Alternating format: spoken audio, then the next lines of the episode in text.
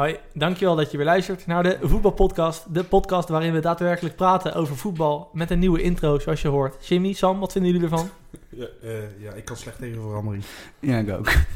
Maar slecht, goed, minder goed? Uh, een 5,5 voor de moeite.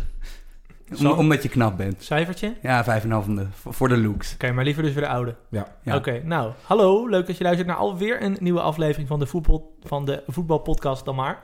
Eh, vanuit de studio bij FC Afkikken wederom, maar dat hadden jullie al lang gehoord aan het geluid natuurlijk.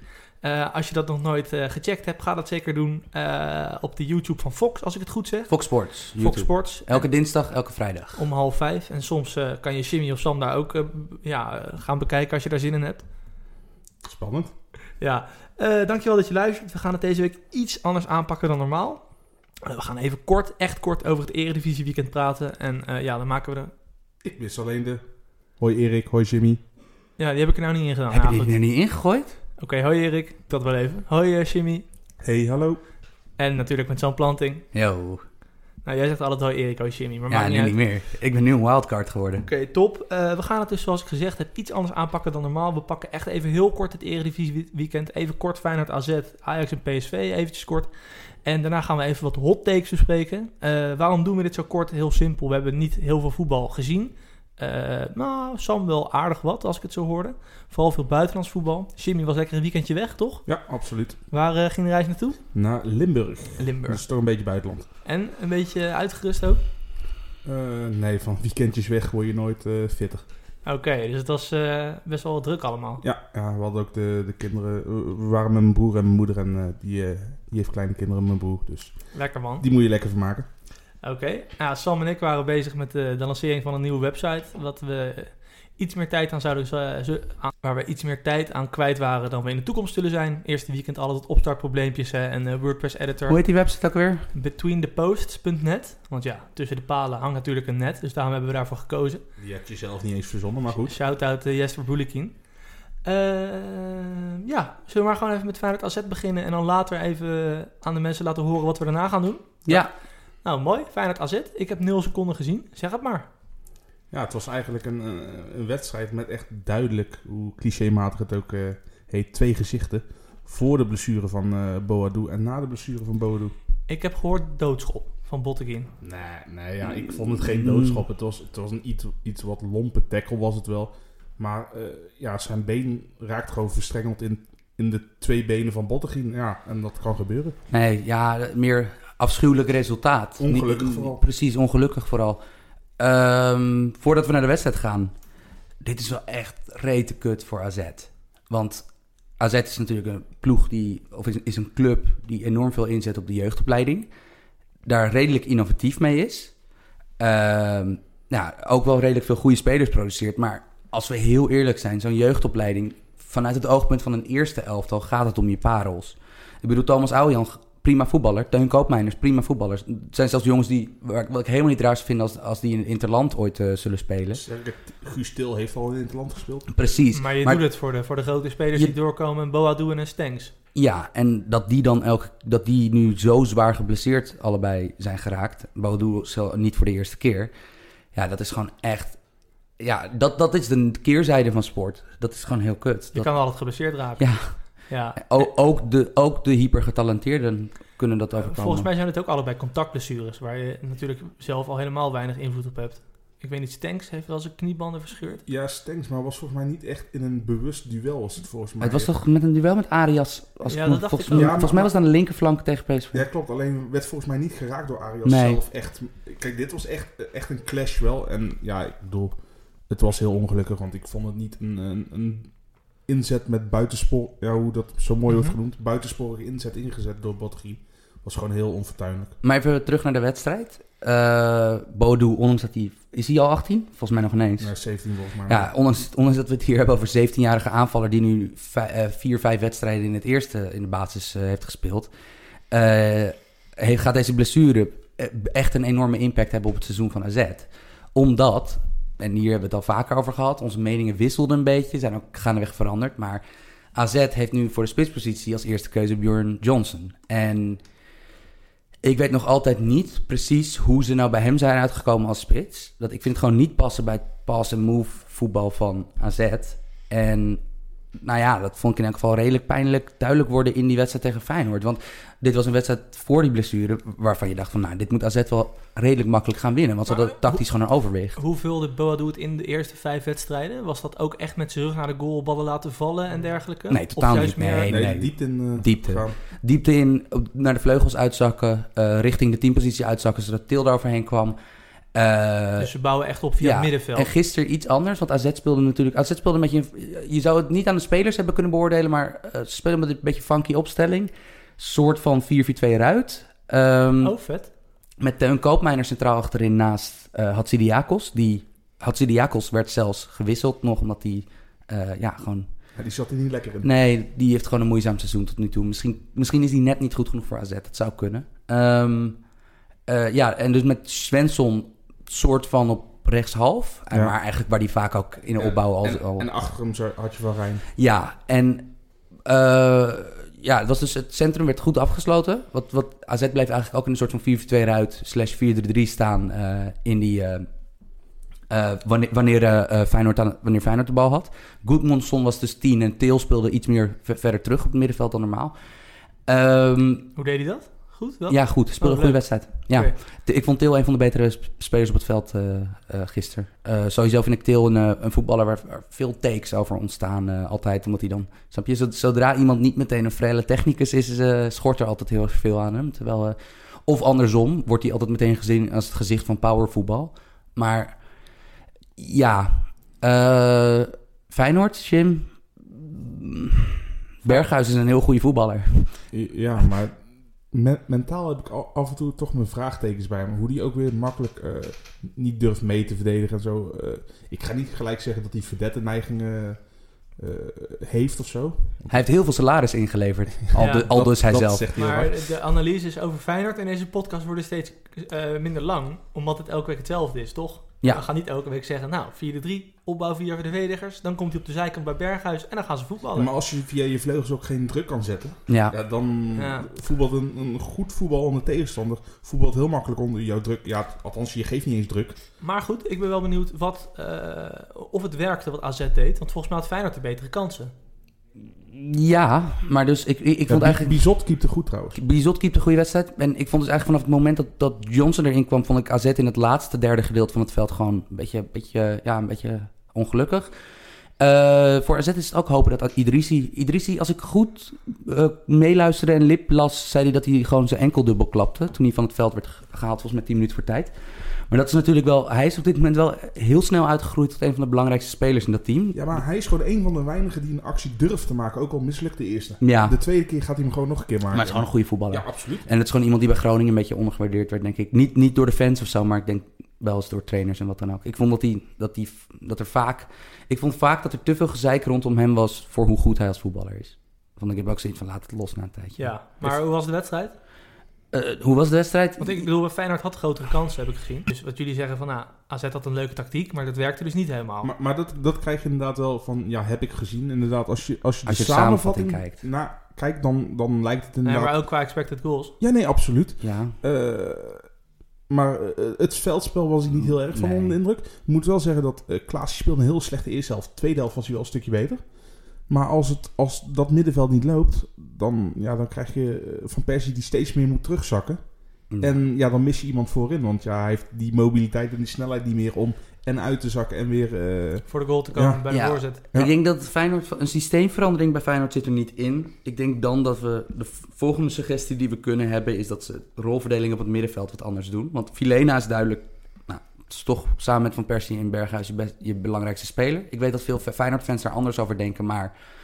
Ja, ik bedoel, hij brengt wel veel. En ook veel dingen die de gemiddelde Eredivisie middenvelder niet brengt... qua dynamiek en qua tempo. Ehm, ja, ik begrijp niet helemaal waarom Ayoub nog steeds niet in de basis speelt. Want er, ja, er, moet, er, er moet heel veel ges- ge- ge- ge- gewikt en gewogen ge- en geschoven worden. Zou Ehm, je voor To- Toornstra zetten? Ja, ik denk het wel. En dan Toornstra, dat, wanneer je Toornstra wel wil spelen, dat je die dan weer als hanger in linksbuiten gebruikt. ja. want, eh, of als rechtsback. eh, zou ik helemaal niet zo'n helemaal, zo'n heel raar idee vinden hoor. Om, een, eh, om gewoon een extreem aanvallende speler als back in te stellen. Als je toch altijd er via opbouwt. Ja, en toch geen ander goed alternatief al hebt. Ja, dus Feyenoord, ik vond eigenlijk... Ik vond het gewoon schrikken. Dit, is dus, dit zijn de, de derde en vierde ploeg van Nederland. Ehm AZ heeft dus wat pech met blessures en wat pech met vertrokken spelers. Eh, Nou ja, nou, nee, pech pech- met pech- vertrokken spelers dat- wil ik het niet noemen. hoort erbij.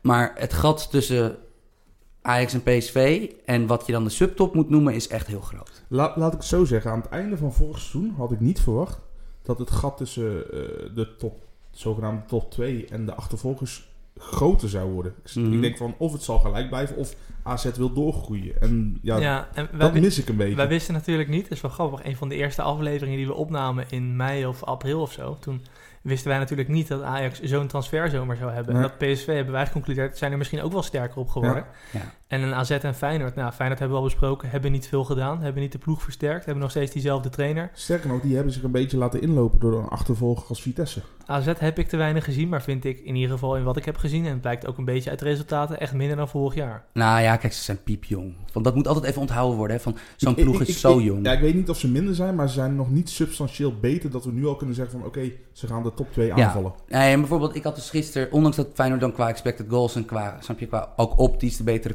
kansen kreeg. Van als je die wedstrijd keek, er was meer, eh, eh, als er één ploeg kon klagen over dat er meer te halen was, was het AZ.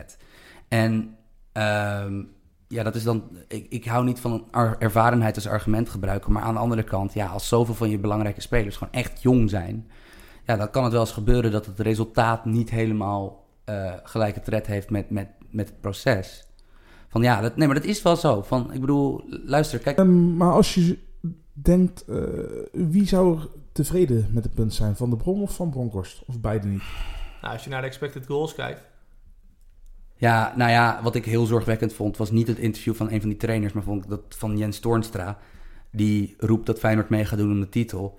Nou ja, als, dit, als een van je leidende spelers, een van de spelers, snap je, die, een van de gezichten van je team, als die dus dit soort zitten te zitten roepen, terwijl je gewoon, snap je, ja. Ja, maar is dat alleen voor de camera? Eh, Nou, eh, ik- kijk, Dat is wel ook die Jens Toornstra die drie seizoenen geleden riep... Feyenoord kan de Europa League winnen.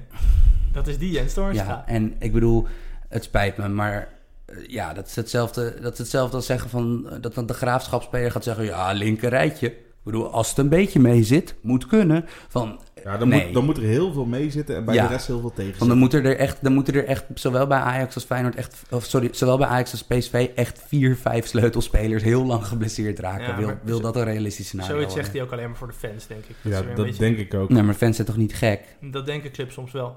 Ja, Goed, gaan we even door naar Ajax en PSV. Ja, die winnen allebei makkelijk. PSV met 7-0, Ajax met 3-0. En dan kunnen we inderdaad concluderen dat het verschil tussen die twee clubs en de rest van de Eredivisie wel echt verdomd groot is. Ik bedoel, niet voor niets hebben ze allebei de Champions League gehaald. En daar gaan we ze deze week natuurlijk ook eh, in bekijken. Ja, en als je ziet hoeveel eh, gezamenlijke doelpunten voor en tegen ze hebben in totaal. ja. Ja, En ook- En om, ook- om, even, om even, ik vind het altijd een flauw trappetje om te gebruiken, omdat de ene speelronde de andere niet is. Maar als je kijkt hoe Vitesse naar Zwolle toe gaat en eigenlijk makkelijk daar wint. Van Zwolle, snap je? Er was eh, heel veel rommel, eh, heel veel gerommel en heel veel herrie, maar eigenlijk heel weinig, eh, heel weinig eindproduct op het bord bij, bij Zwolle. Van, het was gewoon een makkelijke overwinning voor Vitesse. Terwijl Vitesse dus echt geen schijn van kans had tegen Ajax. Ja, dat is raar. Van, eh, of nou, dat is niet raar, maar dat is, dat is wel veelzeggend. We- En, en hetzelfde geldt voor ADO, die tot nu toe echt niet zo'n kansloze ploeg waren. En die, werden heel erg, die zagen er heel erg kansloos uit door, door een PSV wat er even zin in had. Ja, we kunnen vrij stellig wel zeggen nu dat er echt gewoon een top 2 is geboren. En die spelen zondag tegen elkaar, dus dat is superleuk. Maar ze mogen eerst nog even naar de Champions League. Eh, PSV trapt dinsdagavond af Ja, tegen, 5 voor 7. tegen Barcelona. 5 voor 7 mensen. Let Oké, goed op. dankjewel. Kwart voor 9 is niet meer. Eh, tenminste, dat is nog wel. Ja, Maar- 5 voor 7 en 9 uur volgens mij. Ja. Ja. ja, en dat is natuurlijk voor de, voor de echte voetbalnerds zoals wij is dat natuurlijk heerlijk. Dan kan je lekker twee Champions League potjes kijken op één avond in plaats van één. En Ajax speelt op woensdag ook om 5 voor 7. Ja, Uit, Tegen A- nee, thuis tegen thuis tegen Athene, ja. Eh, ja jongens, Ajax, of, eh, Barcelona tegen PSV. Maakt PSV kans? Nou ja, Nee. nou ja, in principe maak je altijd een kans. Maar een klein kansje. Maar ja, ik bedoel, een kans van 0,5% is nog steeds een kans. Maar ja, Nee, tuurlijk. Ja. maar, ja als we heel realistisch mogen zijn, is, eh, gaat dit in principe een overwinning voor Barcelona worden. Waar, waar heeft, eh, als je naar Barcelona kijkt, Sam, waar heeft PSV wel kansen? Wat is bij hun een zwakke plek waarvan je kan denken, ja, daar kan PSV, dat is een aanknopingspunt voor ze. Nou ja, dit weekend, en dat kan je, kan je ook gerust teruglezen op Between the Post, maar eh, eh, dit weekend, Barcelona's voornaamste probleem is breedte. Van zodra ze gaan roteren, kan het best wel vaak kan het niveau opeens naar een tamelijk bedenkelijk, ja, bedenkelijke hoogte afzakken. Zeg maar, de eerste elftal is goed, maar de selectie niet zo. Als je Nee. het afzet op topniveau. Ja, en eh, nou, de zwaktes, eh, centraal duo achterin. Ja, Titi is natuurlijk ja, werelds, maar Ja, dat mag je toch geen zwakte noemen. Nee, maar Piqué is natuurlijk wel, die wordt natuurlijk wel weer, die is weer een seizoentje ouder. Eh, Sergio Roberto zal waarschijnlijk als rechtsback spelen, want Nelson Semedo speelde slecht dit weekend op rechtsback. Ehm, Roberto is een prima voetballer, ook positioneel heel goed. Gewoon eigenlijk een Spaans middenvelder die is omgeturnd tot rechtsback om minuten te maken in het eerste van Barça. Maar ja, bedoel, in, op snelheid heeft Bergwijn of Lozano, ik neem aan dat het Bergwijn is op links, die heeft daar wel, eh, snap je, er valt iets te halen. Hetzelfde geldt aan de andere kant. Als Alba. heel hoog weg is. Alba staat natuurlijk gewoon als, nominaal als linksbuiten spelen. Dus eh, snap je, er is, er is op de counter natuurlijk is er iets te halen tegen Barcelona. Maar dat, dat, dat hoogstaan van Alba kan natuurlijk een voordeel zijn van PSV, maar ook een gigantisch nadeel natuurlijk. tuurlijk. Nee, tuurlijk, tuurlijk. En wat dacht je van als we even wat verderop op het veld gaan kijken? Dat er, eh, er, lopen, er, er lopen er bij Barcelona een paar rond, eh, die volgens mij die je sowieso altijd wel... Ja. eh, ehm, In de gaten moet houden. Ja, ik denk, eh, ik denk zelf dat eh, het is gewoon heel simpel. Je kan eigenlijk na 10 minuten deze wedstrijd beoordelen van hoe, kan, hoe lukt het PSV Busquets op te vangen. Van verzinnen ze daar een slim plan- plannetje voor of gaan ze gewoon met een Nederlandse, snap je? Een Ah, mannetje op een mannetje op een middenveld Ik heb staan. er bij Van Bommel op... eh, Ja, Ik heb er bij Van Bommel vertrouwen in dat hij iets verzint. Dat Ja. hij iets gaat verzinnen om in ieder geval Busquets te ontregelen als ze aan het opbouwen zijn. En later ook nog wel wat. gaat hij een ander systeem spelen dan in de Eredivisie? jongens? ik denk dat hij voor een ander...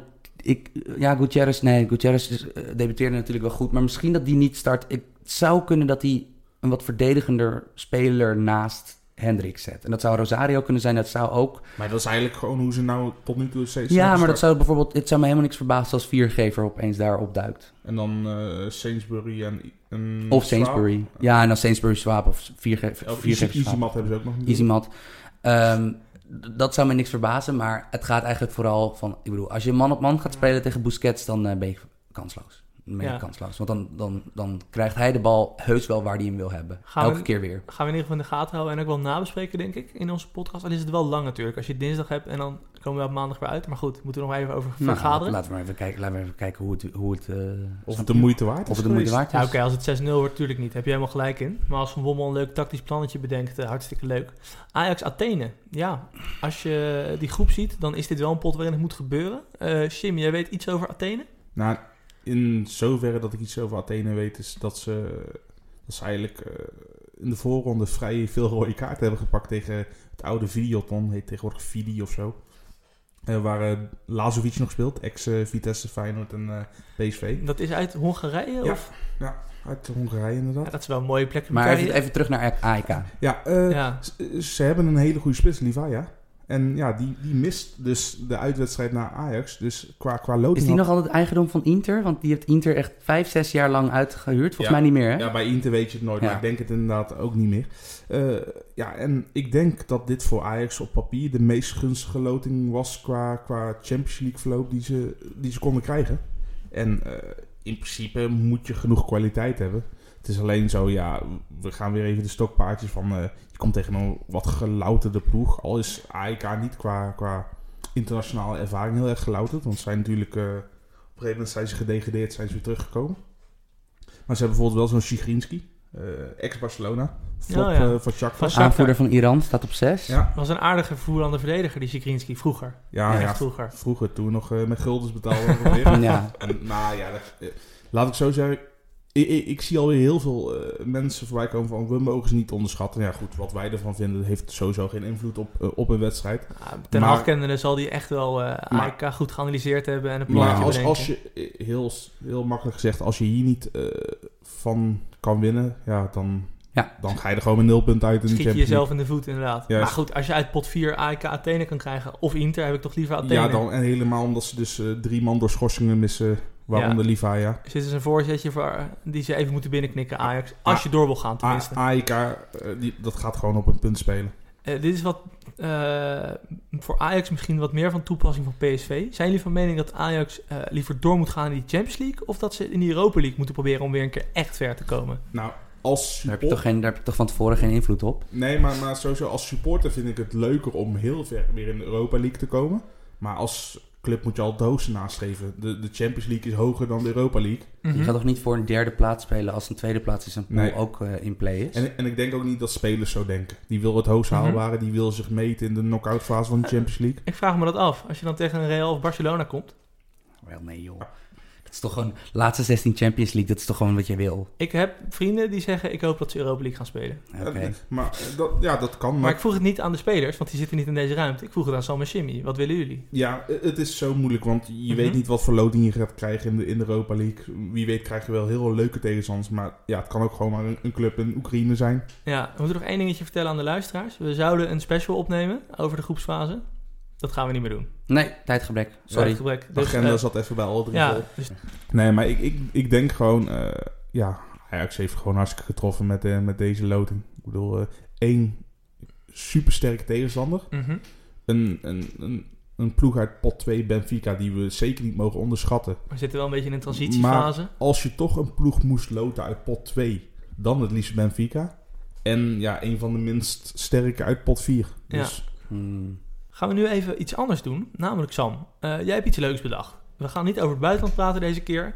Sam, ik geef de leiding even aan jou. Wat, eh, wat gaan we doen? Nou ja, eh, volgens mij is het... Veel mensen associëren deze podcast ook met inderdaad dat wij vaak hot takes spotten. En die ook dan bespotten.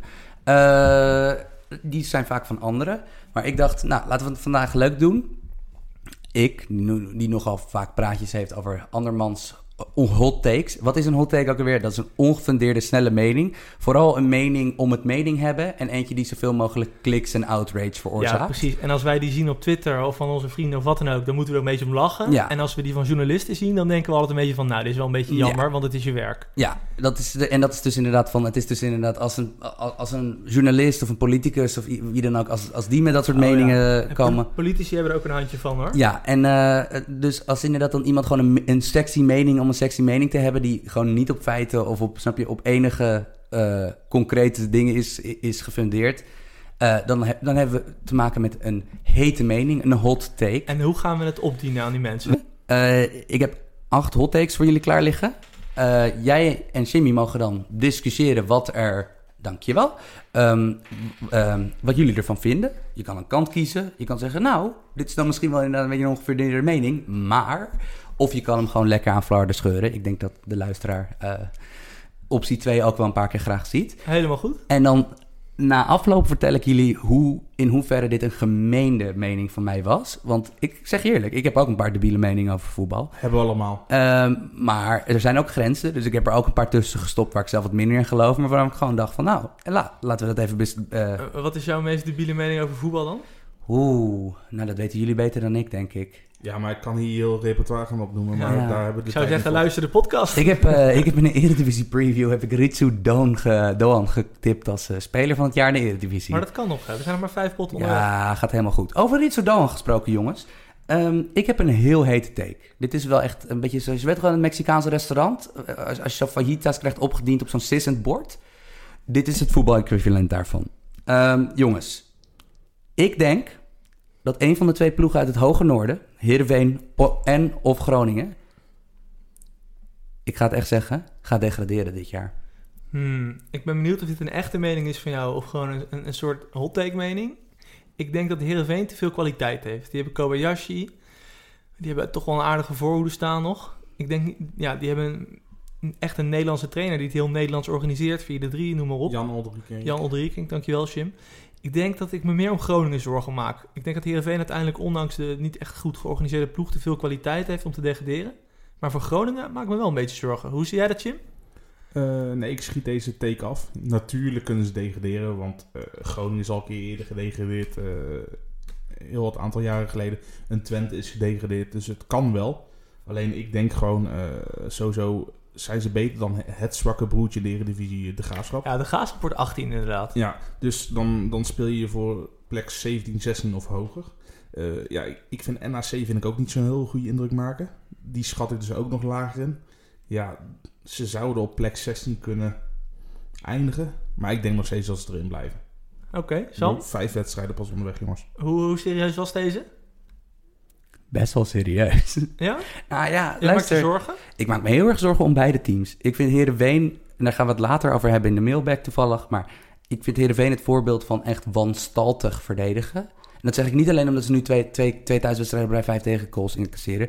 Dit is gewoon structureel gezien, vanuit een tactisch oogpunt mag je echt kapot schamen als club. Dat je dit... We, hebben- we hebben het over een ploeg die beeldhuis heeft. Nee, maar je, Ja. je- maar je hebt het ook over... Laten we even eerlijk zijn. Dit is een ploeg die voor Nederlandse begrippen een prima begroting heeft. Van Ja. dit mag nooit gebeuren. Uh, Waar wenken zij in de Eredivisie? Iets van tiende of achtste of zo? Nee, ik denk wel dat, we, dat je eerder op ple- plek 6, 7, 8 zit eh, Serieus? dan eh 10, 11 hoor. En eh, ja, ik vind. eh, dus aan de ene kant, kijk, Heerenveen heeft. Je noemde een paar spelers op. Ze hebben aardige spelers. Prima spits. Een aardig, paar, paar aardige middenvelders. Een paar leuke talenten. Piri, groot talent. Flappy. eh Flappy, groot talent. Maar. Ja, nou ja, als je achter, ik hoef jullie niet uit te leggen dat als je achterhoede zwak is, dat je dan soms een heel problematisch seizoen kan hebben. Nou, je gaat gewoon heel vaak dit jaar tennisuitslagen zien bij Heerenveen. Een 6-4, een, Ja. een Oh. 7-6. Ook omdat ze dus wel inderdaad dat, dat hoge druk weer gaan zetten. Ja. Weet Ja, je wel? nee, en ook in wedstrijden waar ze misschien best lekker voetballen. Maar ja, als de boel zo slecht georganiseerd staat, als je, telk- als je de bal verliest een keer, ja, dat gaat gewoon een keer mis. Maar eh, over de inhoudelijke. nog, Het gaat wel mis. Ja, en, maar we gaan dus even inhoudelijk gaan we over, over Heerenveen zo meteen nog wel even wat, wat, wat harde dingen zeggen. Eh, ja, Groningen is gewoon een nieuwe trainer, eh, zwakke start. Eh, vervolgens niet echt het meest vriendelijke wedstrijdschema. Want het wordt niet echt per se beter. Ze hebben AZ en Utrecht in de komende weken. Utrecht is natuurlijk, zit ook wat druk op om te winnen. Ehm, ja, selectie is gewoon met het jaar iets, iets minder Uit- indrukwekkend. Ja, en eh, gewoon Groningen heeft niet echt meer het, de, het niveau ploeg wat wij gewend zijn van ze. Ehm, dus, da- dus nou ja, in dat opzicht ben ik het helemaal met Dus je Erik zegt eens. eigenlijk, het is qua kwaliteit een ploeg rond de 12e, 13e, misschien in de Eredivisie. Maar Ja. het, het loopt niet onder de nieuwe trainer, dus vallen ze eruit. ja, ja. Ja, dus dat je hoogrechter, als je, als je zeg maar hoogrechter rijtjesploeg bent. Ehm, ja, ik bedoel, als het even niet mee zit, en het zit nu niet mee. En ik bedoel, ze hebben nog niet eens echt pech gehad in, in, in wedstrijdverloop tot nu toe. Maar gewoon dat het niet echt mee zit met hoe het klikt en, en hoe, het, hoe de boodschap van de nieuwe trainer aanslaat. Nou ja, dat kan snel misgaan. Maar deze denk jij dus echt? Een van de twee ploegen Ik zeg het 50 procent. Ik geloof hier voor 50 Dat, dat, dat in. is vrij hoog. Dat Nou, is vrij hoog, want er zijn natuurlijk gewoon echte laagvliegers in de Eredivisie. Ja, ben benieuwd. Ehm, de volgende, jongens. Ik heb goed nieuws voor de, voor de Feyenoord-fans. Nadat we, snap je, weer wat gegronde kritiek op ze hadden. Feyenoord wint de beker dit jaar. Met Peter Bos als trainer. Ja, nou, ik denk dat jij er hier helemaal niks van meent. Eh, vooropgesteld, we hebben vaak kritiek op Feyenoord, maar ik heb niks tegen de club Feyenoord. Eh, ik vind de Kuip het mooiste stadion van Nederland. Ik heb gewoon heel veel kritiek op die trainer, want daardoor ga ik er gewoon niet voor zitten. Dat vind ik gewoon echt ouderwets voetbal uit 1980. Ehm, ik denk dat Sam deze niet gelooft, omdat hij ook best wel weet dat Gio daar eh, zoveel krediet heeft dat hij niet ontslagen kan worden. Jimmy heeft dat een keer mooi gezegd. Hij kan Ayoub in de goal zetten en dan komt hij maandag, drinkt hij een kop koffie met Martin van Geel en dan zeggen ze na. Dat heb wel wat een vondst was dat. Ik denk wel dat het, het, het beste wat er kan gebeuren voor Feyenoord is dat er een club uit het buitenland komt, uit de La Liga of zo, of uit de Premier League of uit de Championship, die zegt wij willen Gio. En dat Gio dan weggaat. Ik bedoel dat ze puur op zijn cv kijken. Kampioenschap, eh, een paar bekers, je Johan Cruijffschaaltje. Ja, het is dat Steven Gerrard al bij eh, de Rangers zit. Ja, maar, maar Want zoiets. dat zou ik een prima Ja, dat zou ik logisch. Dat zou, Maar vind ik een heel goed van Ik denk oprecht dat dat de enige manier is hoe Gio nog eh, daar ontslagen kan worden. Of daar weg kan gaan. Want ontslagen zal hij niet worden. Ja, nee, daar, daar verandert helemaal niks binnen de structuur. Eh, Maar goed, daar zijn we dus voor. Ehm, Peter Bos als trainer bij Feyenoord zie ik helemaal voor me. Serieus, lijkt me echt fantastisch. ja, hij is natuurlijk de vorige keer is hij niet zo heel goed weggegaan bij Feyenoord natuurlijk. Was hij wel als technisch directeur. Dat is wel echt een eh, wezenlijk, anderlijke, wezenlijke andere, andere rol. Eh, ja, ik, ik, ik weet niet of... Het, het zou wel een uitdaging voor hem zijn. Hij kent de club natuurlijk wel. Eh, ik weet niet hoe het legioen op hem zit te wachten tegenwoordig. Nou, ik denk wel, hij zal even nodig hebben om zijn visie erin te slijpen. En dan komt er natuurlijk druk op. Heb je bij Ajax ook gezien als hij een paar keer verliest. Maar dit is wel een trainer die met zijn voetbalvisie het verschil kan maken in Nederland. En eh, we vergeten dat vaak nog wel eens. Dat hij in het buitenland eh, toch wel wat problemen had om grote kansen te creëren. Dat er heel veel tussen de verdedigers werd gepaast en al die dingen. Ik denk dat dat in Nederland een minder groot probleem is. En ja, zijn ploegen voetballen wel altijd heel leuk. Maar ik denk zelf dat een Bos ook niet instapt eh, midden in het seizoen. Zeker niet als je centraal, Precies. centraal duo Botteguin en Van der Heijden is. Ik Precies. bedoel, dat zijn een beetje... Kut, sorry. Jimmy, Jimmy, Jimmy, Jimmy plukt hier al de twee punten eruit die ik wilde maken. Dat is een inderdaad. beetje het kryptonite voor Ja. het eh bosvoetbal. Hij zou met Tapia van eh, en eh, hoe heet die, St. Justus centraal kunnen gaan spelen. Ja, maar ik weet niet of je midden in het seizoen of wanneer je Nee, tot Nou, of hij heeft het één keer gedaan bij Maccabi, maar inderdaad. Ja, maar met deze dat, selectie. dat moet je gewoon... al- als Bos al naar Feyenoord gaat... En als dat een gelukkig huwelijk wordt... Dan is het aan het begin van het seizoen en niet eh, halverwege. Check. Nou, Sam, verlicht ons. Ja, ik zie het niet gebeuren, maar het zou inderdaad... Ik denk dat als je de kans krijgt als Feyenoord zijnde om ehm, aan het begin van het seizoen gewoon hem aan te stellen, 100% doen. Ja, Want je gaat er in elk geval structureel gezien als, als team van hoe, hoe het op het veld staat een stuk vooruit. Want ik bedoel, ik ben er nu wel een beetje klaar bij met Feyenoord. Dat het elke keer hetzelfde weer is. Hetzelfde probleem waar tegen ze aanlopen. Gaat inderdaad niet gebeuren. Eh, het eerste gedeelte van de stelling dat Feyenoord de beker wint zou heel goed kunnen. Oh ja. Ik bedoel, ze Ja, hebben goed, de spe- spelers zijn goed genoeg dat dat zou kunnen. En het ideale scenario is misschien voor Feyenoord dat Gio zegt... eh, ik heb geen uitdagingen meer, ik heb het gezien... en dat ze dan Peter Bos halen. Ja, of, of een andere trainer. Zou Peter Bos nog terug willen? Weet ik niet. Weet ik ook niet eigenlijk. ja, dat weet Peter Bos alleen natuurlijk. En hij, Ja. ik bedoel, hij blijft onze appjes maar negeren om in de podcast te komen. Ja, moeten we toch eh, een keer wat anders gaan verwoorden. Goed, volgende. We blijven in de subtop. Ehm, Ja, al- al- alles onder de top 2 is dit jaar subtop, zou je kunnen zeggen inderdaad. oh jongens, nu haken er heel veel Feyenoord-fans af. Ja, ga door. de blessure van Boadou kost AZ de derde plaats. Ja, ik weet niet. Ik heb altijd een hekel aan mensen die een hele zware mening hebben zonder potten gezien te hebben. Ik heb net al gezegd, ik heb AZ niet veel gezien, dus hier kan ik echt niks over zeggen. Eh, ik, ik, ik weet niet of ik ze als favoriet voor de derde plek zag met Boadu. Oeh, oké. Ja, ik, ik zit toch nog steeds een beetje, hoe raar het ook klinkt, naar toen de 0-4 overwasting bij, bij Ajax. Ik zit nog steeds een beetje op de Vitesse. Ik zit ook wel op de Vitesse. En Feyenoord, schat je die uiteindelijk over een heel seizoen sterker in dan dit AZ? Mm, niet sterker, maar dat wil niet zeggen dat ze minder punten gaan halen dan AZ. Oké. Ik, ik denk toch dat, eh, ja, nou komt weer eh, een mooie, ja, mensen kunnen het een drogreden vinden of niet, maar toch eh, thuis in de Kuip. Ja, Legioen. Ja, gaat erachter staan inderdaad. Nee, ik, ik denk dat, dat eh, Feyenoord vaak genoeg heel slecht zal spelen, maar toch eh, door de individuele kwaliteit van, van Persie, van een Berghuis, toch, toch de overwinning gaat, eh, gaat halen. En ja, ik, bij AZ heb ik dat toch minder, want die hebben heel veel doelpunten ingeleverd. Ja. ja, ik denk zelf het zorgpunt bij AZ is centraal achterin. Ik denk dat Koopmeiners, als, ik, ik weet niet of zo'n Koopmeiners dat zelf wil, want het is natuurlijk een goede middenvelder. Het zou wel eens een goede tussenoplossing kunnen zijn, totdat er zich betere jongens aandienen vanuit de jeugd, of snap je dat je er volgend ja, je jaar een nieuwe misbruikt haalt. hem dan wel een beetje, hè? Ja, misschien wel, maar aan de andere kant, je hebt dan wel een goede voetballer er staan. En natuurlijk Wuitens komt ooit terug. Eh, Ooit. dat, zou, dat zou ook al het een en ander verhelpen. Want dan, dan heb je een linksbenige centrale verdediger die goed kan meevoetballen eh, daar weer staan. Ehm, ik maak me zorgen om die spitspositie. Ik denk dat Bjorn Johnson eh, dat het hem niet wordt. Dat dat, hij past gewoon niet in het voetbal. En eh, ja, zolang- als Stenks en Boadu geblesseerd zijn, heb je niet echt opties om een eh, heel maar- ander soort aanval Ja, daar maar te zetten. vergeet niet, eh, bedoel, kijk, Wout, eh, weg Wouthorst met Johnson vervangen. Oké, dat is al niet heel best, vind ik zelf. Alleen, ja, Jan Baks, het zijn ook gewoon nog over de 20 doelpunten, hè? Ja, ja, ik. Maar aan de andere kant, ik geloof niet altijd zo van.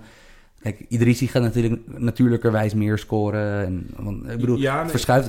Kijk naar Benzema in beeld Dat bij is wel Real, de maar theorie, de Ronaldo-theorie Ja, ja, ja. inderdaad. Alleen eh, met topploegen is dat makkelijker op te vangen Ja. dan met... ja, als Gareth Bale het gat moet invullen, dat is toch, dat is toch Gareth Bale is natuurlijk iets beter gebouwd voor de druk Juist. om doelpunten te maken dan uh, Oussama Idrissi. Ja, maar Oussama Idrissi speelt ook niet tegen Valencia. Nee, dat, dat is dan ook weer waar. Dat is dan Nee, ook weer waar. ze gingen wel tegen Kairat af. Maar je. Ja, ik maak me een beetje zorgen om AZ. Aan de andere kant, AZ is wel een van die ploegen in Nederland. Zeven of acht van de tien keer zet je ze aan. Prima wedstrijd. Ben Ja. benieuwd, man. Volgende keer ga ik erop letten op die spitspositie en eh, gaan we er nog over praten. En dan eh, ga ik net, ik denk dat, ik ga verplaats me nu net onder de subtop. Jongens, ik denk dat er een nieuwe club in de top 8 te vinden is aan het einde van dit seizoen. De club met het mooiste stadion van Nederland, VVV Venlo. In ieder geval met de meest irritante trap voor spelers, lijkt me dat. VVV Venlo eindigt in de top 8. Jimmy. Dat is mijn teken, daarmee moet je het doen. Jimmy, wat denk je? Meent Sam dit serieus? Hij zegt het wel overtuigend. Ja, want hij is sowieso altijd heel erg fan van eh, ploegen die uitblinken in iets wat een ander niet kan. Ja, ja. En ja. dat is bij VVV wel heel duidelijk En natuurlijk. daardoor denkt hij altijd dat ze beter zijn dan ze zijn. Ja, ik denk dat jij het serieus meent. En jullie, wat vinden jullie hiervan? Want eh, ik meen dit. Nou, Ik meen dit. oké. Ik heb, ik heb het al goed ontleed, toch? Ja, en eh, echt geen woord aan geloven wat Jimmy zei. We zijn je eigenlijk eh, heel goed leren kennen. We hebben je heel goed leren kennen het afgelopen jaar, denk ik. Ja. Ehm, ik denk dat we heel veel respect moeten hebben voor Maurice Stijn en de hele selectie van, van VVV. Dat ze het onwijs goed neerzetten daar. En dat zij eh, meer presteren dan je op basis van hun spelersgroep mag verwachten. Ik denk tegelijkertijd dat top 8 echt een brug te ver is. Nou, ik eh, ik ga mee in deze VVV Hype Train. We zijn vorig jaar 15e geworden, hè? Ja. Ja, Kan. kan. Zit, niet zo, zit heel vaak niet zoveel punten tussen hoor. Tussen, tussen plek waar. 8 en plek 15. Ja, maar kijk naar PEC vorig jaar eerste seizoen zelf. PEC tweede seizoen zelfs. Ja, dat was de dag en nacht verschil. Ja, eh, wat ik vooral denk is... eh, Nederlandse ploegen zijn te koppig om zich aan te passen. Ja. En VVV gaat gewoon lekker iets anders spelen. En eh, ja, Nederlandse ploegen blijven Nederlandse ploegen. Die gaan daar niet op anticiperen. Die gaan er misschien een beetje op reageren, maar dan is het al veel te laat. Gaan dat heel passief doen. En eh, ja, ze gaan gewoon vo- voornamelijk via de standaard situaties... gaan ze echt eh, genoeg binnenkrijgen. Hebben zij al een keer met die drie lange gasten samen voorin gespeeld? Eh, ik, in de samenvatting van eh, de Graafschap VV, ik zag dat Mlapa, die gigantische Duitse Togolees, die is, die is echt gigantisch. Ehm, eh, die speelde, Opoku speelde, eh, ik weet niet of Seuntje speelde. Eh, ze hebben Grot natuurlijk. Ja, ze zouden er zelfs vier op kunnen stellen. Post, is voor een centrale middenvelder heel groot. We krijgen daar... Ja, Post is trouwens goed gaan spelen... sinds dat wij hem onbekend noemden. Een van zijn leukste afleveringen vond ik dat we awards gingen uitdelen. Toen hadden we de meest onbekende speler. Toen had Jimmy Danny Post genoemd. En sindsdien, elk interview staat hij er. Elke bal probeert hij op goal te schieten. Dus dat is duidelijk een luisteraar van deze podcast. Lijkt me wel, ja. Ja. Nee, maar eh, ja, weet je wat het is? Je gaat nou daar een narratief krijgen. Kunnen ze het op een eh, koude zondagochtend in Venlo? Is wel zo. Er zijn wel feiten. ja, nee, Ajax had het moeilijk daar. Absoluut. En er zullen nog meer ploegen het moeilijk krijgen. Ja, ik speelde wel goed daar. Maar goed, jij meent het echt zo? Ik meen het echt. Oké, tof. Ik bedoel, het is, een defensief, het is een defensief uitstekend georganiseerde ploeg. Ze weten wat ze kunnen en ze weten vooral wat ze niet kunnen. Ja. En dat, dan heb je al gewoon uit analytisch op, in analytisch oog, eh, ja, in analytisch opzicht heb je dan gewoon, heb je, Plus het, plus het feit ook nog, er is altijd één, één of meerdere verrassingen. Daarom. Ja, en VV is dan gewoon die verrassing. daarom. En ik bedoel, kijk, luister, de, de clubs in het noorden, die gaan het heel moeilijk krijgen, zoals we, dat, dat hebben we al vastgesteld. En dan Ja, moeten clubs dus- in het zuiden het goed doen. Daarom. Dus er, is- er komt een zuidelijke takeover van de eredivisie. Ja. Ehm, ja, en dan gaan we nu een beetje richting de top van, eh, ehm, eh, van de eredivisie. Ehm, jongens, PSV en Ajax. Ja. van de 100, eh, even snel uit mijn hoofd, de 102 punten die zij kunnen verdienen. Nou, Uh-huh. laten we zeggen dat je dan, eh, twee, als je twee keer gelijk speelt tegen elkaar, kan je nog eh, eh, 96, kan je op 98 punten uitkomen. Ehm, PSV en Ajax eindigen dit seizoen allebei boven de 85 punten na 34 speelrondes. Dus even ter context, jongens, dat is dus dat ze maar 17 punten verspelen over een heel seizoen. Ja, ik zeg heel even uit mijn hoofd dat de kampioen, de laatste keer dat hij meer dan 85 punten had, was volgens mij Twente in 2010. En PSV onder Cocu dat jaar met Wijnaldum en Depay Depay, volgens ja. mij. En misschien vorig jaar zelfs ook nog wel. Maar ze hebben toen in de laatste week veel gecarnavald. Dus dat zou betekenen dat we echt twee extreem goede ploegen hebben dit jaar. De laatste keer dat dat gebeurde was uit mijn hoofd eh, met Ajax en Twente. Dat eh, onder Martin Jol met Ajax en Twente die kampioen werden. Ik vind het een brug te ver eigenlijk. Ik vind het wel heel veel 85. Als je, zeker als je het ook in de geschiedenis kijkt. Wat denk jij, Jim? Ik eh, ga volledig mee met, eh, met de stelling. Ja? Ja. Kijk, of ze het echt gaan halen is lastig. Maar ze gaan er beide zeker wel echt in de buurt komen. Want ik, ik vind, kijk, natuurlijk vijf wedstrijden. Van Ajax hebben we inmiddels al flink wat meer wedstrijden gezien met de voorrondes erbij. Eh, vijf wedstrijden is nog steeds... Kan je niet altijd hele bouwde conclusies trekken. Maar het gemak waarmee ze gewoon ook nog... Niet eens winnen, maar creëren. Ja. Ik vind 85 te veel voor PSV. Ajax zou Nee. nog wel durven. Ik vind 85 voor PSV te veel. PSV die, die, die scoort gewoon te, te makkelijk om, om het te moeilijk te gaan Mhm. krijgen tegen de mindere goden. En natuurlijk gaan ze echt nog wel punten verspelen. Maar dat zal echt heel weinig zijn. Ja, we vergeten een beetje dat de aanval van PSV dit jaar, dit seizoen althans, dat is echt wel echt heel goed. Ja, en, nou, maar jongens, even, denk even over na. Dat PSV heeft... Stel je voor dat bijvoorbeeld het het trampscenario zou zijn... dat Chucky of eh, eh, Bergwijn uit zou vallen. Ja. Donjan Malen is helemaal geen slechte vervanger daarvoor. Hallo, ik ben ongeveer de eerste die op zijn hype, train is gesprongen. Ja, en bijvoorbeeld, nou, dat vind ik dus wel heel interessant. Je hebt nog altijd, je hebt een peperdure spits die terug in de, in de groep gewerkt moet worden. Ja, moet wel ooit fit worden natuurlijk. Ja, eh, maar ik bedoel, over, over Maxi Romero. Eh, deze ploeg is diep. En, eh, snap je, er is, veel kwaliteit, er is veel meer kwaliteit ge- overgebleven van die kampioensploegen dan we al dachten. Achterin, eh, ik vind die backs vind ik echt een toevoeging. eh, aanvallend. Van Aanvallend. Maar goed, te- tegen het PSV zal 9 van de 10 keer het betere materiaal hebben. Dus dan mag je als verdediger een steekje laten vallen. Ja, en, en aan de andere Ik kant... vind die verdediging niet goed genoeg voor 85 plus. En behalve dan de kwaliteiten die gewoon de startende elf van Ajax nu heeft, is zij krijgen misschien nog de beschikking over Dolberg weer. En ze hebben dat Donny van der Beek en Karel Uiting zitten niet in de eerste elf. Nee, Ajax ben ik helemaal met je eens. Zie, Eh, zie ik zo gebeuren. Ja, Ik zie het beide gebeuren. ik ook. We gaan het eh, in de gaten Ik houden. weet namelijk nog steeds niet wie de titelfavoriet is, als ik heel eerlijk ben. Nee. Ik vind dat een 50-50. Nou ja, Als we het over zijn hot takes hebben, kunnen we daar zondag wel wat over zeggen natuurlijk. Oké. Maar je wordt natuurlijk niet heel vaak kampioen. Voor de luisteraars, zondag kwart vijf, PSV Ajax. Redelijk Ja. belangrijke pot. Mooi potje, man. We blijven even in Eindhoven. Want Ik vind trouwens dat Sam het echt uitstekend oppakt, dat presenteren. Dat moeten we vaker doen. Nou, ik, ik stem eigenlijk een, een, een duo-talkshow voor Sam en eh heb, je, mezelf. heb je. Jimmy niet? Toen Ja. jij laatste keer opeens weg moest. Jimmy was echt Ja. een shine. Ja, maar je leest het wel een beetje voor. Dat zien de mensen niet. Er wordt aan je stoelpoten gezaagd, Erik Ja. Elias. Volgende hot take. We blijven in Eindhoven. Deze hot take, jongens, deze gaan we, deze gaan we vaker terug horen deze week. PSV overleeft de groepsfase Oké. in de Champions League. Want, want, want, Inter niet goed in de competitie gestart. Spurs verloren van, van Liverpool dit weekend. Dus PSV, niet, niet Spurs, niet Tottenham, niet internationale PSV eindigt in deze pool bij de eerste twee. Oké, ik denk Sam dat jij dit niet serieus meent. En ik ben het met jou eens. Hebben we zelfs minwaardes in percentages of niet? Ja, nou, hier sta je 0% achter. Ja. En wij ook, met z'n drieën denk ik, met z'n allen. Ja. Het zou tof zijn, maar ik, ik reken er echt totaal niet op. Ik zou Europa League tof vinden voor ze. ja, de derde plaats is een bonus. Ja. Eh Sammy, jij hebt Inter gezien, twee potjes. Ja, Is dat realistisch dat PSV Inter onder zich houdt? Eerder dan Tottenham. Ja. Maar eh, Tottenham heeft ook de boel niet helemaal op de rit. Ik heb, ik, ik moest, dit weekend moest ik Tottenham eh, Liverpool analyseren. En ik, nou, eh, lang verhaal kort. Liverpool was echt mm, vele klassen be- beter dan, dan Ja, Spurs op dit maar, moment. Maar jongens, hoor je wat je zegt? Liverpool was beter. Ja. Precies. Oké. Want daar dat, wil- daar dat- wilde dat, ik- Dat zullen we vaker. Daar wilde ik naartoe. Liverpool is goed. want PSV zeg maar gaan stellen boven een ploeg die spelers heet als Alderwereld Vertongen, eh Deli Alli, Christian Eriksen, Jungmin Son, Harry Kane.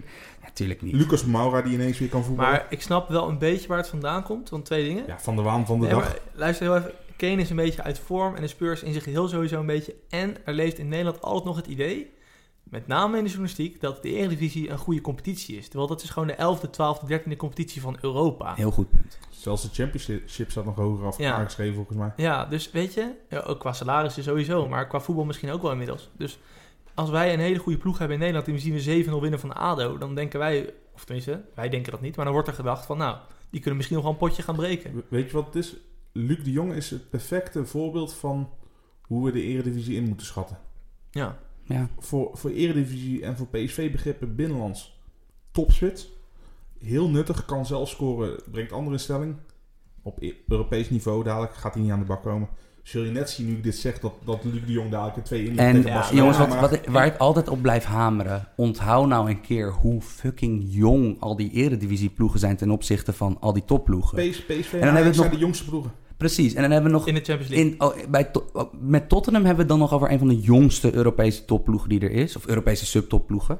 Maar bijvoorbeeld zo'n Inter heeft uitsluitend spelers op hun piekleeftijd hoor. Van, eh, of dat nou gaat om Perisic, De Vrij, Icardi, Nainggolan.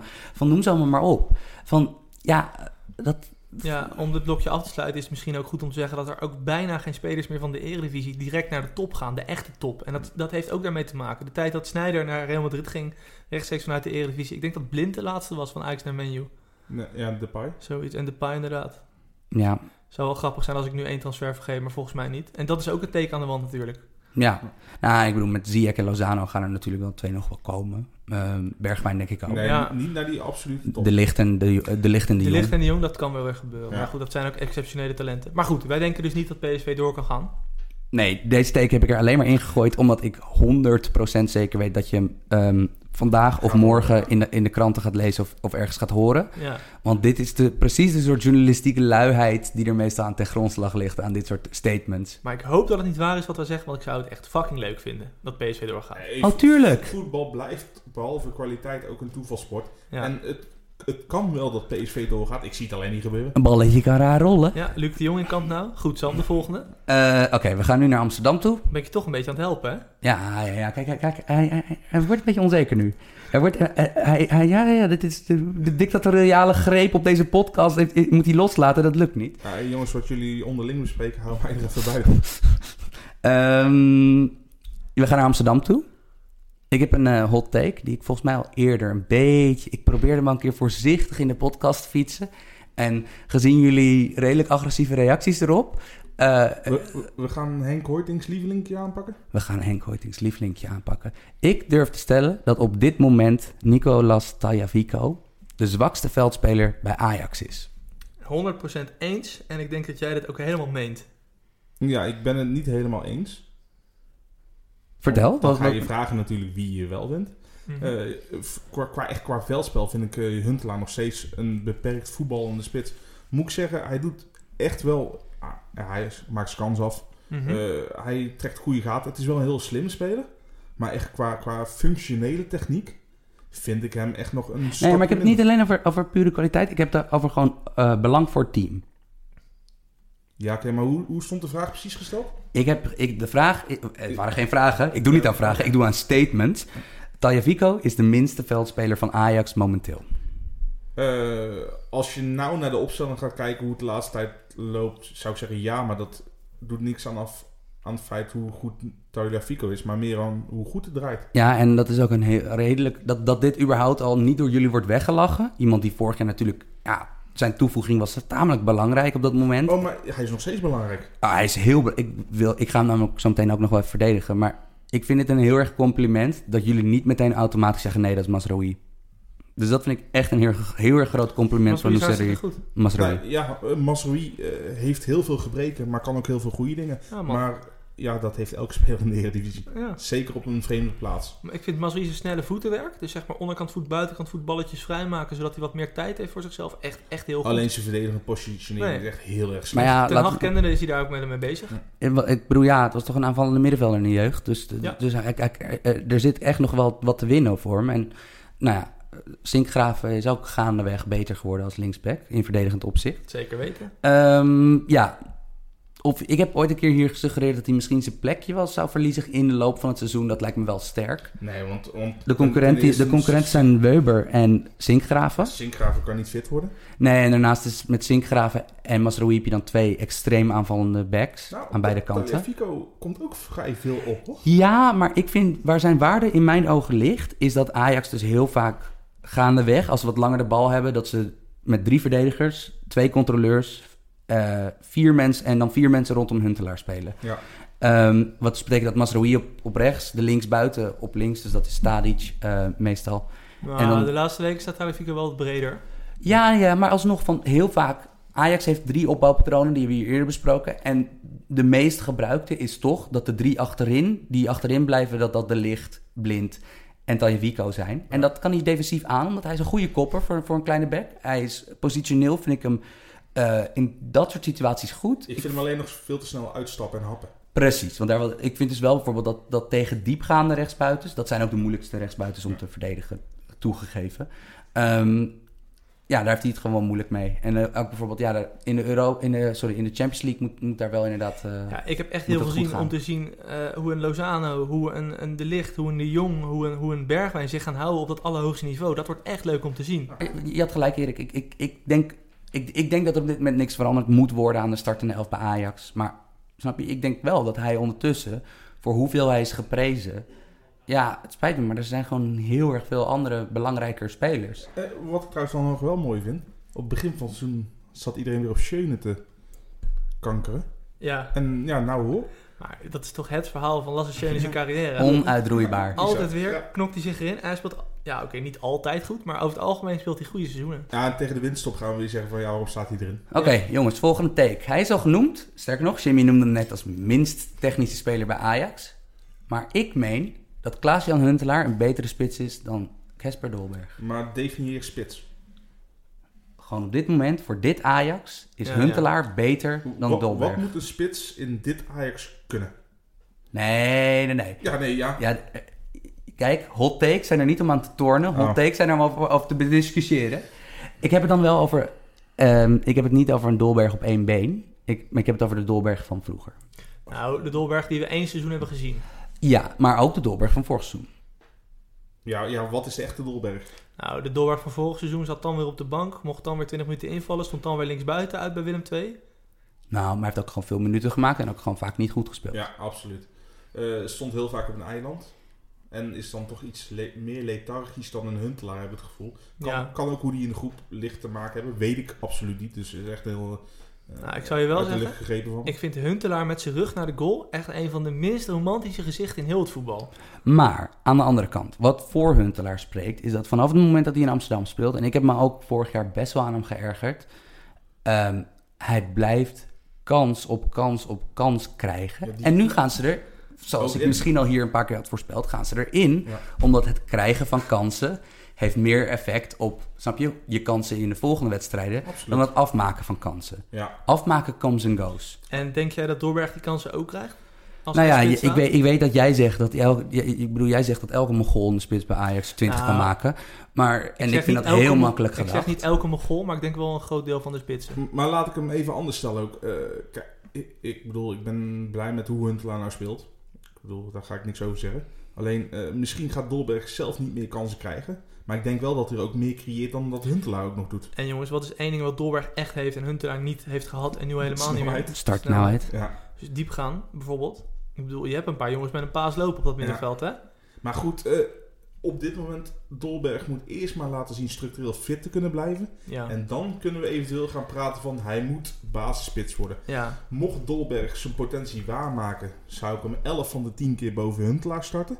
Op dit moment ja, is er geen reden om eraan te tornen. Huntelaar is spits. Nee, duidelijk. En dat doet pijn voor mij om te zeggen, want ik ben, een, ik ben niet de grootste Huntelaar-fan. En ik ben wel een hele grote Dolberg-fan. Ik sluit me volledig aan bij Jimmy. En ik, ik ja, dat op dit moment, dat, ik, dat is een genuanceerd antwoord. Jongens, ik bedoel, het is hier 7,5 graad warmer geworden. Door de hot takes. Ja, we zitten in een dicht hok bij af. eh, kijk, het geluid is top, alleen jouw woonkamer is wel iets koeler. Maar jullie hebben het overleefd, jongens. Dit was het. Dit was het. Oh, top. Op naar de mailbag. Op naar de mailbag, dus dan moet ik weer presenteren. Terug naar u. Nou, hier met het laptopje. Terwijl Sam mij de laptop geeft, ik denk wel altijd van ja... Mensen zeggen Dolberg is de nieuwe Fischer. Alleen Dolberg heeft wel op een veel hoger niveau dingen laten zien... tegen veel betere tegenstanders dan Ja. Fischer ooit heeft gedaan. En daarnaast past Dolberg beter in het systeem wat Ajax nu speelde en toen ook speelde, zeg maar. Want Fischer is toch altijd een beetje een... Ja, het is niet een buitenspeler, het is niet de spits. Het is een beetje een, een, een oude tweede spits, vind ik het. Nee, nee, een beetje een voetballer uit een vergeten tijdperk. Eh, de mailbag, dankjewel voor de vragen weer. Eh, we hebben jongens die veel vragen insturen, vaste luisteraars. Dat vinden we echt super tof. Blijf dat alsjeblieft doen, want we blijven die mailbag hartstikke leuk vinden. Je kan een vraag insturen op ons mailadres, devoetbalpodcast.gmail.com. Dat doet echt helemaal niemand, dus eh, wees een pionier. De meeste vragen krijgen we gewoon binnen via Twitter op de hashtag voetbalpodcast of gewoon in een DM'tje. En de eerste vraag is van Ala Philippe. Hoe is de magie van Burnley verdwenen dit seizoen? Goeie vraag. Ik ga hem een beetje van context voorzien.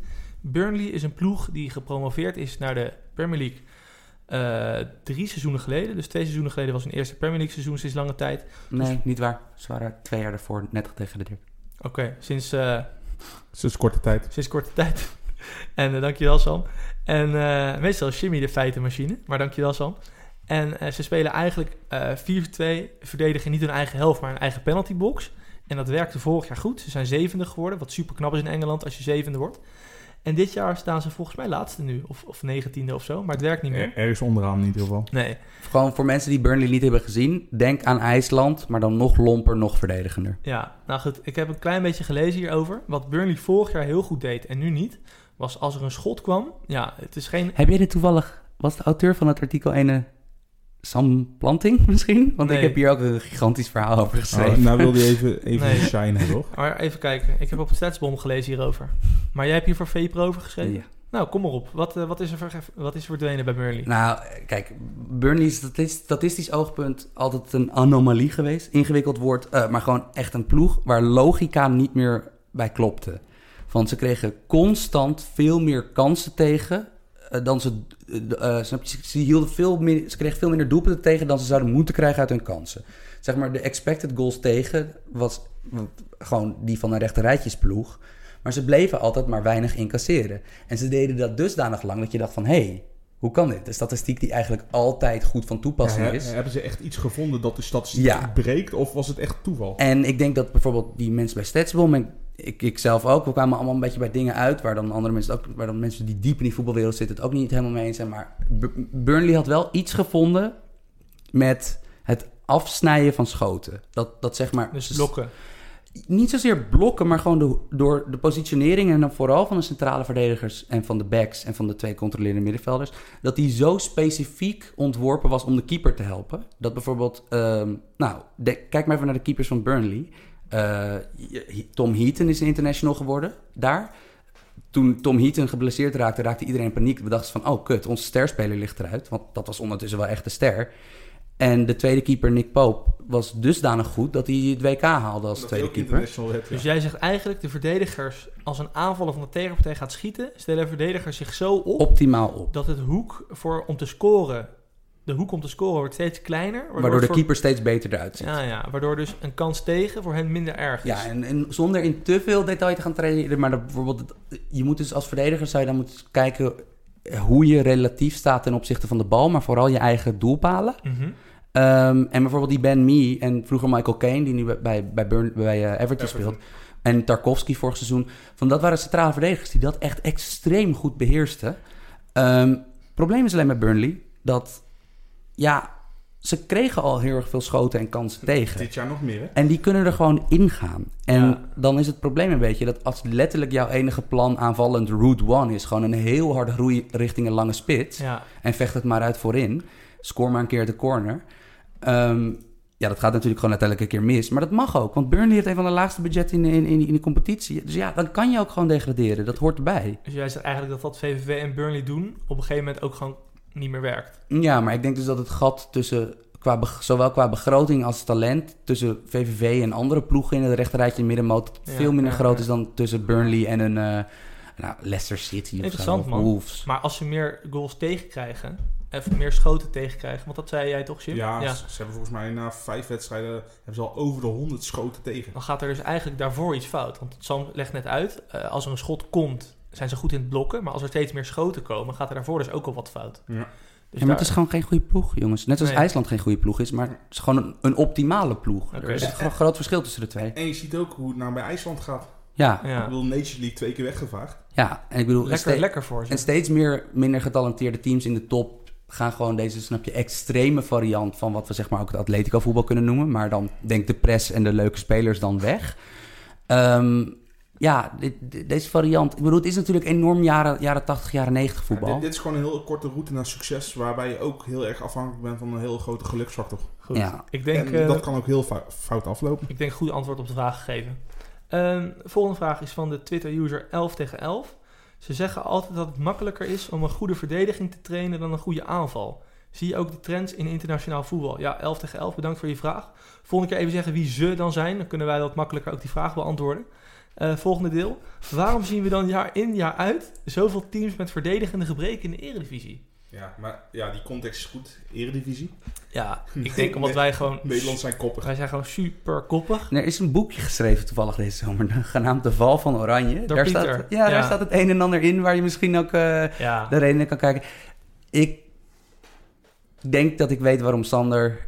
eh, Sander, zo heet deze Twitter-user. Zo heet deze Twitter-user. Zou kunnen dat we samen met hem eh, werken.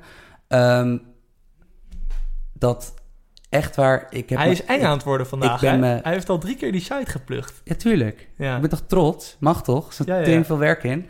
Ehm, ik ben mij, net zoals hij, de afgelopen weken weer kapot geschrokken bij, door ja, de ploeg in. Nederland. Gewoon hoe die, hoe die van ik bedoel, Heerenveen eh, dit weekend. Eh, Ja. ADO. eh. Maak, maak je punt. Nou ja, van, eh, ik denk dat er behalve dat er structureel iets misgaat, maar dat we dus misschien de verkeerde ideeën hanteren, dat er ook gewoon dat dit ook te maken heeft met de kwaliteit van de mensen die je in dienst hebt. En Mhm. dan heb ik het dus niet alleen over je Over- over spelers. spelers, maar ook over de staf. Ja, want, ik ik ben bedoel, heel- want we kunnen wel weer altijd wel weer terugverzanden in van ja, we lopen op tactisch vlak achter en zonnedekking in plaats van mandekking. Maar er gingen bij heel veel van die clubs gingen er dingen mis die al veel, veel meer elementair waren dan We, dat. we willen het te voetballend oplossen, dus Ja, we zetten onze er- verdedigers er- er- voetballend neer. Er staan gewoon best wel vaak gewoon softies achterin. Ja. Gewoon echte softies. Nee, ik ben met je eens. Die veel duels en- verliezen. En degene wat wel de pure verdedigers zijn, die worden hier niet gewaardeerd. Kijk naar een Marcelo bij PSV en, Precies. en hoe die daarna zijn carrière heeft Nou, gehad. precies dat. Nee, maar dat vind ik het ultieme voorbeeld. Dat, is nog altijd. Ik heb een keer laatst een tweetje gedaan. Van, omdat volgens mij met Marcello met, met vier, vijf topclubs in verband ge- gebracht. Omdat hij Ja. gewoon bij eh, Lyon een van de beste verdedigers in, de, in een topverdedigingscompetitie is League 1.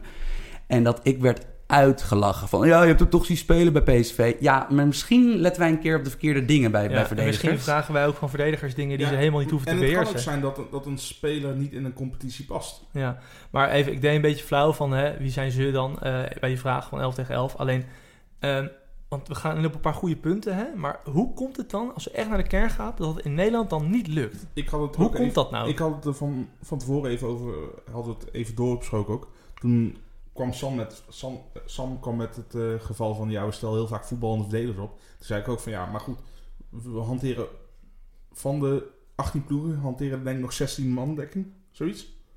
Mm, wel, Ja, bijna, ja, bijna. ja. Ja. Van, een, een, een, een, een clubje speelt een mix ervan. Ja, en, ja, en dan ben je toch nog steeds als verdedigende ploeg in, in, ja, gewoon in nadeel. Niet alleen je verdedigers zelf, maar ook je middenvelders.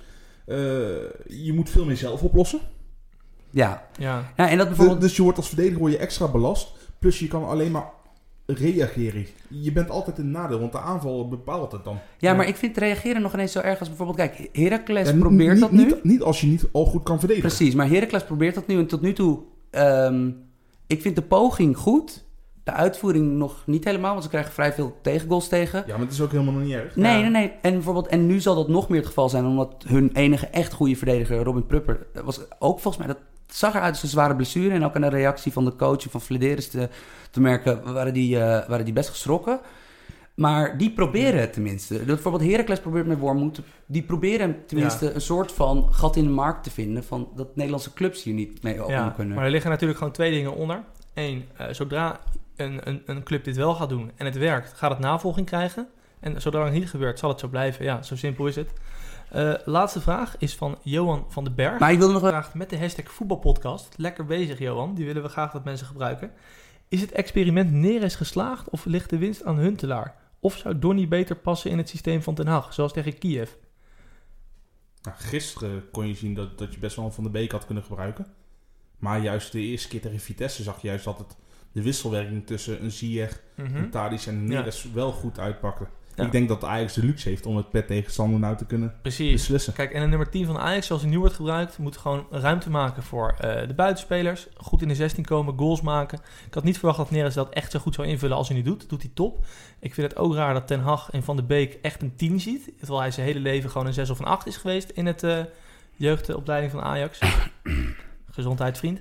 Dus Of- ehm, Of was het dat jij hem altijd zo ziet? Nee, hij heeft, zeg maar, Ajax speelde vroeger eh, nog met een 10 in de jeugdopleiding. Toen speelde Van der Beek op 6 of op 8. Later zijn ze na die zijn ze met de hele jeugdopleiding met de punt naar achter gaan spelen. Toen stond Van der Beek ook op 6 of 8. En dan op 8 of op 10 bedoel ik. Dus op een van de twee halfposities.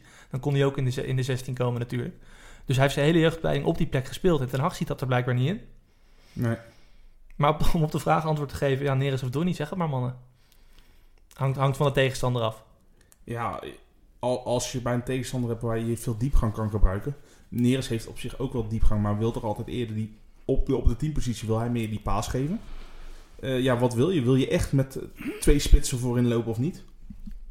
Eh, ik denk dat het antwoord te maken ook heeft met iets wat we eerder hebben besproken. Ik denk, zolang Huntelaar gewoon de spits is, denk ik dat Donny, of sorry, dat Neres een duidelijk voordeel heeft ten opzichte van, van de Beek. Omdat het anders gewoon wel heel erg stagnant wordt. Dat je dus altijd afhankelijk bent van wat Tadic en Ziyech aan de bal doen. Qua passeren, Op, op zich ook niet erg. Ook niet erg. En maar Neres, je kan eigenlijk niet om Neres meer heen. Nee. Als je kijkt naar hoe, hoe pro- productief hij is, zowel goals, assists, dat soort shit, shit, maar ook gewoon dingen als passeer, passeeracties en dribbles. Dat, eh, hoe goed Donny van der Beek ook is, eh, is hij op dit moment de twaalfde speler bij Ajax. Ja, en dat is natuurlijk helemaal geen schande, want hij is beter dan wij. Wij zijn nooit de 12 speler van Ajax geweest, toch? Nee.